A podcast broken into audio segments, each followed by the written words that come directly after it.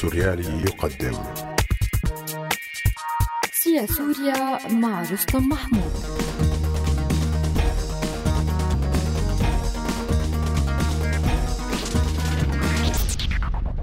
من ثورة الناشطين السلميين السوريين إلى مذبحتهم. باغتيال الناشط والإعلامي رائد الفارس تكتمل فصول المأساة السورية. ليس لتمايز خاص ما كان يتفرد به الفارس.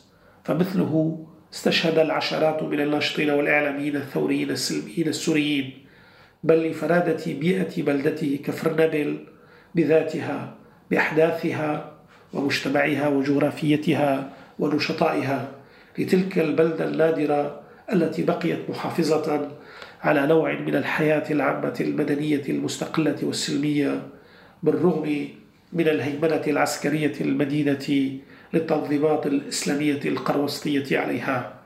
برحيل الفارس تكون دورة الحياة المدنية السلمية الديمقراطية السورية أو أي أمل منظور بها قد وصلت إلى حتفها. فالسوريون الذين ينتمون إلى تلك العوالم ويعتبرونها إطارهم وأدواتهم للتفاعل والعيش والبناء إنما يشاهدون أنفسهم يواجهون أربعة عوالم ماحقة لهم. عالم النظام الأسدي الذي يجبرهم على الدخول في أكبر دوامة للتكاذب المحض كذبة المدنية المستترة على جبال من الطائفية وأكذوبة الممانعة الماحقة للفلسطينيين وكل المتطلعين للحرية وكذبة الحداثة والتعايش المكور على بحار من الحروب والصراعات والأحقاد الأهلية.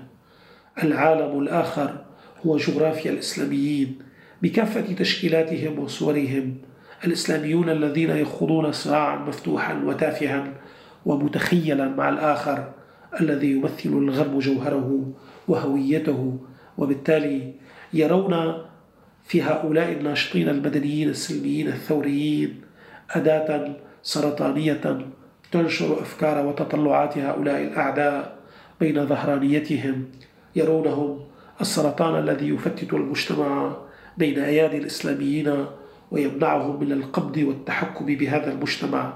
عوالم الإسلاميين تراهم صهاينة الداخل بالضبط كما شيدت خطابية الممانعة صهاينة مماثلين في دواخل مناطق سيطرتها على الدوام.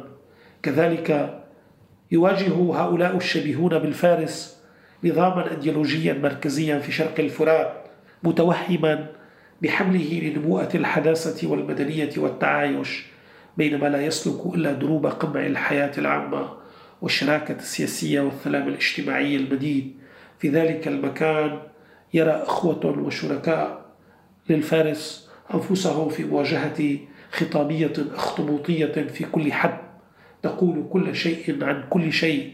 لكنها ولفظاعة تراجيدية ما لا تفعل أي شيء. خلى التحكم السلطوي المطلق بحيوات الناس وخياراتهم الحرة.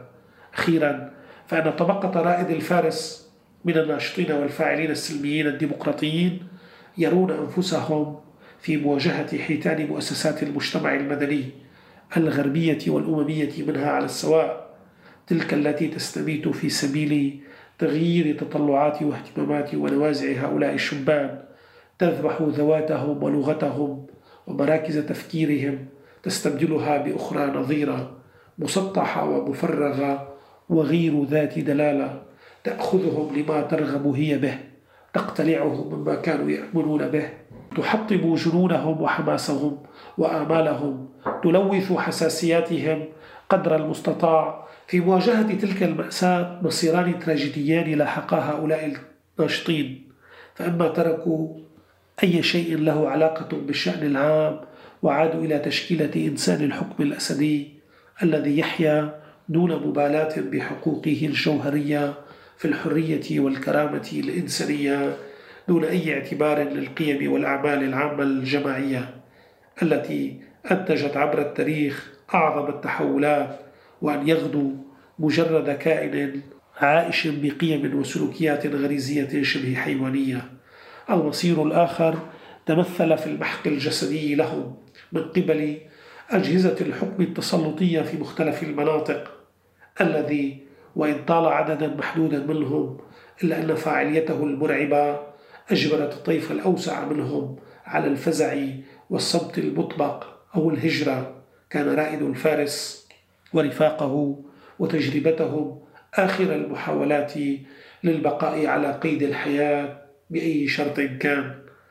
هذا الطريق من الثورة وحياة الناشطين السوريين إلى مذبحتهم المريعة لم تمر بطريق مستقيمة واضحة المعالم بل تآذر على حياكتها جميع هؤلاء الذين يتسلطون على مختلف المناطق السورية. فوقهم عقلية ومنهجية وعمل العالم القوي الذي آمن منذ اللحظة الأولى بأنه لا حل للمسألة السورية وأن الأسد ومن شابهه هو الحل الأمثل لهؤلاء المتمردين على قواعد وخطوط الاستقرار والمصالح الكبرى. كانت سوريا عامرة بثورة مهيبة قبل سبعة سنوات انحطت لتغدو أزمة مركبة ومنها لتكون مسألة شبيهة بتلك المسائل المعقدة في حركة التاريخ. والآن تغدو مأساة فظيعة في كل مفرزاتها.